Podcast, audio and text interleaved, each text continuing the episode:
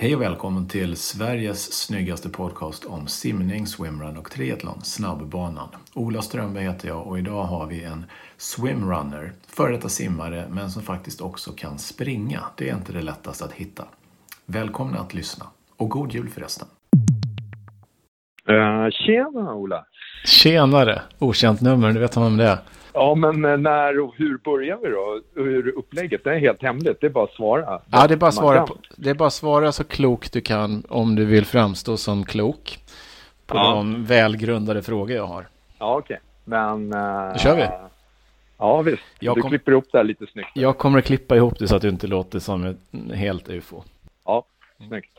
Hej och välkommen till eh, världens största podcast på svenska om simning, Snabbbanan. Ola Strömberg heter jag och på andra sidan Skype-linan hittar vi vem? Eh, Erik Egon Rosenborg. Just det, eh, och du är ju en av de många medelålders män som antingen håller på med paddeltennis eller swimrun. Varför valde du swimrun från att ha varit eh, inte supergnetig som simmare? Bra fråga. Jag blev lite inlurad av några kompisar, av några gamla simmarkompisar att testa på för de tyckte det var så himla roligt. Plus att det hade gått ganska bra för dem så då var det så här tanken, ja, fan, jag kan ju springa hyfsat även fast jag är gammal simmare då. Och jag har ju en simbakgrund så jag borde kunna simma också då. Så det var egentligen på att jag var gammal simmare från början och sprang ganska mycket vid tillfället. Eh, som fick mig att prova på lite. Mm. Och, och, hur har det gått då? Om man tar lite highlights av hur duktig du är. Ja, men det har väl gått väldigt bra om man tänker på att man inte är någon direkt löpare och eh, tränar ganska lite i förhållande till många av de duktiga så är man inte speciellt långt bakom. Eh, så att eh, man har fått ut, jag skulle vilja säga att man har fått ut mycket när man har tävlat mm. eh, med tanke på bakgrund och träningsdos. Mm, och just träningsdos, hur, hur lite eller hur mycket tränar du? Eh, simmässigt så tränar jag ungefär, jag börjar någon gång i april och simmar kanske till september. Eh, det beror på lite tidigare år om man har kört ö till ö eller Koster Swimrun som har varit liksom avslutet på säsongen, för mig i alla fall. Och då har jag simmat ungefär två, tre gånger i veckan, ja, två, två och ett halvt kanske. Eh, I stort sett bara med dolm och paddlar. Ja. Benspark är absolut inte att rekommendera för swimrunners då alltså? Det kanske det är, men...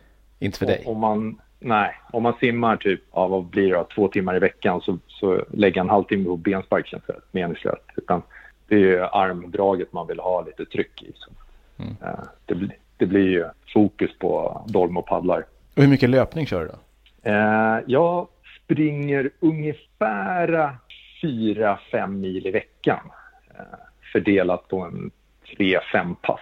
Så jag försöker alltid köra eh, ett intervallpass och då kör jag nästan alltid tusingar, eh, tusen meter alltså med 60 sekunders vila. Och så försöker man köra något lite längre pass på upp mot kanske två timmar. Mm. Något sånt där. Kör du någon swimrun-träning också? Det vill säga det du kombinerar som man gör när man tävlar? Ja, fast väldigt sällan. Det är nog inte mer än kanske tio gånger per år. Eh, det, det blir väldigt sällan, utan oftast simmar man eh, i pool eh, och så springer man separat. Men några gånger absolut så kör man lite swimrun-träning och då kör man ju oftast med lite polare någonstans sådär. Antingen ute i skärgården eller ja, Hellasgården är ganska populärt här i Stockholm och, och lite så. Vi har även kört i Brunnsviken och runt där Hagaparken. Och skillnaden mellan att simma med eh, små badbyxor, våtdräkt eller liksom swimrun-dräkt med skor. Hur stor är skillnaden simmässigt? Är man, är man bra simtränad så är ju det grymt skönt att köra i Speedos sammansatt i pool. Uh, är, man, är man lite sämre simtränad så har man ju fördel om man får dolm och paddlar. Uh, så får man direkt på sig så blir det ju ytterligare en fördel. Sen om man drar på sig skorna så, så sänker det ner lite. Men den stora skillnaden skulle jag nästan säga också är ju att simma i mörkt vatten i, i en sjö eller ett hav kontra simma i en pool. Mm. Det kräver lite navigering, ganska mycket navigering när man simmar i öppet vatten.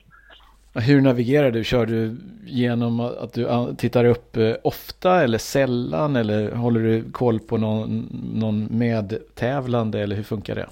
Eh, ofta så litar jag inte alltid på mina medtävlande jag har runt omkring mig. Eh, utan oftast så blir jag tvungen att titta upp och då tittar jag upp ungefär kanske var, var tre, jag kör ju tvåtaktsandning, jag andas ju bara åt ett håll. Mm. Eh, och då kanske jag lyfter huvudet så blicken kommer då till beachflaggan eller det stället man ska gå upp på. Ungefär kanske var annan, var tredje, var fjärde eh, andning. Så uh, ganska ofta. Så det är säkert, vad blir det, var tionde sekund kanske man tittar framåt och ser att man är rakt på. Och det är oftast ganska lätt om inte vattnet är strömt eller om det kommer från sidan. Då måste man ju liksom tänka till lite. Eh, det ser man ju oftast väldigt snabbt när man är på väg ner i vattnet. Om, om vattnet driver åt höger eller vänster så sånt tänker man ju på, eller tänker jag på i alla fall, eh, redan när man hoppar i. Mm. Ja, är det just den här mörka delen är en sak. En, en annan sak är ju att det ofta i Sverige är kallt som tusan i vattnet. Hur jobbigt är det och hur förbereder man sig för det? Förutom då våtdräkten som man har. Finns det något annat sätt? Personligen tycker jag att det är svinjobbigt. Alltså det, jag avskyr kallt vatten och eh, jag blir ju ganska frusen och nerkyld. Så att det man märker på de längre simningarna det är att man inte har någon känsel i fötterna, att fötterna domnar av. Så fötterna är helt runda. När man, det känns som man är, liksom, har runda fötter när man kommer upp. Och då tar det några minuter, någon, någon minut innan man har fått igång blodcirkulationen. Eh, fingrarna blir också rätt stumma, men det är inga de blir inte så liksom, frusna att man inte kan ta sig glasögonen eller något sånt där. Eh, men man jag tror inte man kan förbereda sig. Utan det, det konstiga är ju, som jag har reagerat på många gånger är ju att det funkar alldeles utmärkt att, att, att köra simningen ändå. Även mm. fast det är bara liksom 5-6 grader i vattnet så klarar man att simma några hundra meter utan problem. Andningen funkar, visst den är ansträngd, det är tryck över bröstet men det är inte panik. Eh, och det är liksom halsen, ansiktet, nacken känns ju eh, ganska rejält. Liksom. Mm. Att, eh, Om det då är så kallt, eh, på en svensk sommar, ibland är det lite varmare, ibland lite kallare. Trän, när du tränar simningen, hur ofta kör du bassäng, hur ofta kör du själva simdelen ute i öppet vatten? Jag kör egentligen bara i bassäng. Jag kör öppet vatten, eh, kör jag nästan aldrig. Eh, men på sommaren så är det ju ändå, är det 15 grader eller varmare om man har dräkt så då är det ganska behagligt att simma. Eh, är det liksom 18, 20 då behöver man ju egentligen ingen dräkt om man ska simma vad vet jag, 2000 meter eller något sånt där. Så det är tveksamt om du kör i 18 grader med tanke på att du är så eh, fjantig vad gäller kyla? Ja, absolut. det, om jag får, får vara där, om jag går ner till bryggan och kollar på termometern så är det så här, vad vet jag, 18 grader och så sen ska jag hoppa i och simma, då säger kroppen så här, nej det ska du inte. Nej, ta en fika istället. Ja. ja. Hur bra är du på att simma nu? Eh, om, om man jämför med de som är liksom swimrunners. Är du topp eh, 5 procent? Ja, men jag är nog där omkring. Uh, ja, vi simmare, det egentligen enda vi gör på simningen, det är ju liksom att bada. Vi, vi ligger och badar för att det ska, man ska ha så låg puls som möjligt och vara så fräsch som möjligt. Så direkt när man kommer fram till stranden eller klippan eller där man ska upp så kan börja bara liksom ta av sig glasögonen och börja springa på en gång. Så man är liksom fräsch, man kan lägga kraft på, på simningen. Och även fast vi ligger och glider så ligger vi ju och simmar om i stort sett hela fältet. Sen finns det ju eh, en, del, en del duktiga, det är väl gamla triatleter och gamla multisporter och sånt som simmar väldigt mycket och simmar väldigt bra. Men de kanske ändå måste ta i mer? Ja, jag tror att de ligger på en högre puls, mm. absolut. Mm.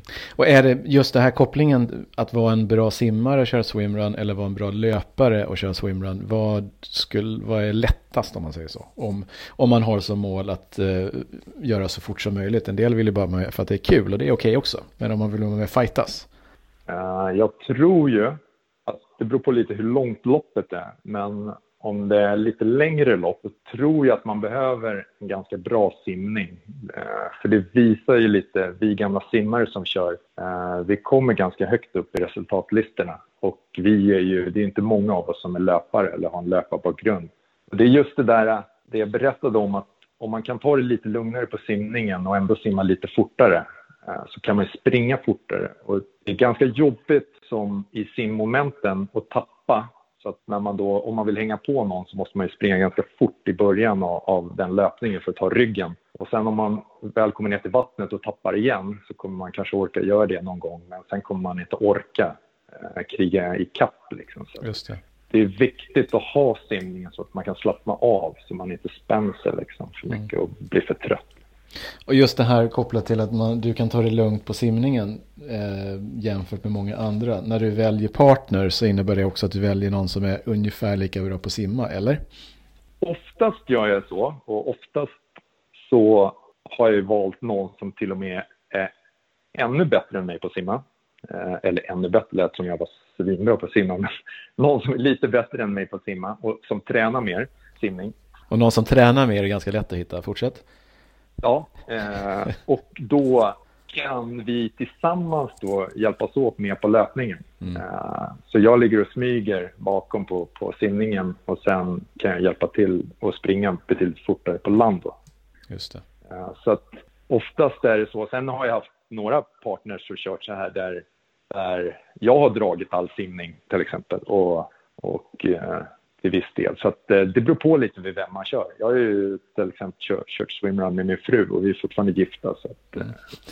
du, en, en, du nämnde lite här, gamla triatleter och, och eh, multisporter och liknande. De har ju mm. en fäbless för att simma med pulsklocka på snabbbanan. Får man göra det egentligen? Mm. Nej, inte i pool. I pool finns det en klocka på väggen. Det finns en 60 sekundsvisare som tickar en sekund hela tiden. Uh, och det är den klockan man använder när man är i en pool. Just det. Så det är okej att säga till dem som har liksom förvillat sig in på snabbbanan eh, när de kanske hade otur när de tänkte var de skulle platsa om de då har en sån där klocka på handleden? Det tycker jag man kan göra. Det kan man göra, okej, okay, bra. Mm. Ja. En, en, väldigt specifik fråga, du nämnde att du andas åt bara ett håll. Finns det någon, från de som inte är simmare så finns det en tanke bland många att ja, men man ska faktiskt andas åt bägge hållen. Finns det någon fördel med det eller är det bara en myt? Eh, du tänker i öppet vatten då? Ja, gener ja, eller generellt egentligen kanske. Nej, jag tror faktiskt inte det. Det är väl bara att kolla på många av de som har världsrekord i, i simning. Det är typ ingen på... som andas tretakt. Nej, utan det är någon sån här gammal... Det är ungefär som den här att man inte eh, får simma 30 minuter efter man har ätit för då kan man få kramp. Ja. Det är väl lite som där. Ja, som lever i. Skrönor som ligger kvar. Ja, mm. utan eh, vilken sida man andas åt spelar egentligen ingen roll. Det viktiga är ju att kunna navigera och titta upp och, och ha känslan. Det är där man sparar lite tid och meter. Mm. Vad har du för, om någon ska börja med swimrun, hur viktig är utrustningen? Vad måste man ha för någonting för att komma igång? Man, är man hård så behöver man väl bara ett par Speedos och ett par löpardojor. Mm. Uh, så att säga. Men många tävlingar kräver våtdräkt. Att man måste ha våtdräkt lite för säkerheten då, flytförmågan och lite sånt där och värme. Men så man behöver ju en, en swimrun-dräkt. Och, och, skillnaden mellan en, en open water-dräkt och en swimrun-dräkt är att swimrun-dräkten har dragkedja på magen, på framsidan. Alltså. Och det är för att kunna öppna upp, dels för att andas lite bättre, för den är rätt tajt, dräkten. Så att eh, det släpper trycket på lungorna så man andas lite bättre och sen får man in lite luft och kyla. Så att det blir väldigt instängt i dräkten, den är väldigt tät. Så. Uh, så det är en fördel. Det funkar självklart i en open water-dräkt, men det blir varmt. Eh, eh, sen behöver man ett par skor många resonerar som har så lätta och minimalistiska skor som möjligt. Jag tänker väl när man nybörjare så är det viktigare att ha ett par bekväma skor som man liksom kan springa i utan att bli skadad eh, än att, att leta eh, supersnabba, eh, lätta skor. Sen är det en fördel att ha dolme i och med att skorna väger lite i vattnet eh, så man flyter upp lite och handpaddlar förutsatt att man också orkar dra draget det är extremt många, nu när man är simmare då, så, som drar med armbågen, mm, ja, som har för stora paddlar så man orkar inte komma över handen utan man drar armbågen först. Ja, just det. Får inte, no får inte någon bra kraft eller push av det. Nej. Nej. Men eh, har stora paddlar ändå. Så det, jag skulle rekommendera ganska små paddlar och sen i sådana fall kliva upp om man har, har styrkan i draget. Ja men bra, jag är nöjd. Är, du, är det någon, någonting som jag har missat att fråga? Lite så här generellt om swimrun och att man till och med som en lite badkruka-aktig gammal simmare kan bli helt okej? Okay. Nej, men det är nog bara att prova på. Ja. Uh, man, jag, jag, tror att uh, som gammal simmare då, så uh, tror jag att, att man kommer upptäcka att ja, fan, det var ju rätt roligt. Man kommer ju rätt högt upp lite. Man kommer någonstans där i, i mitten, övre halvan.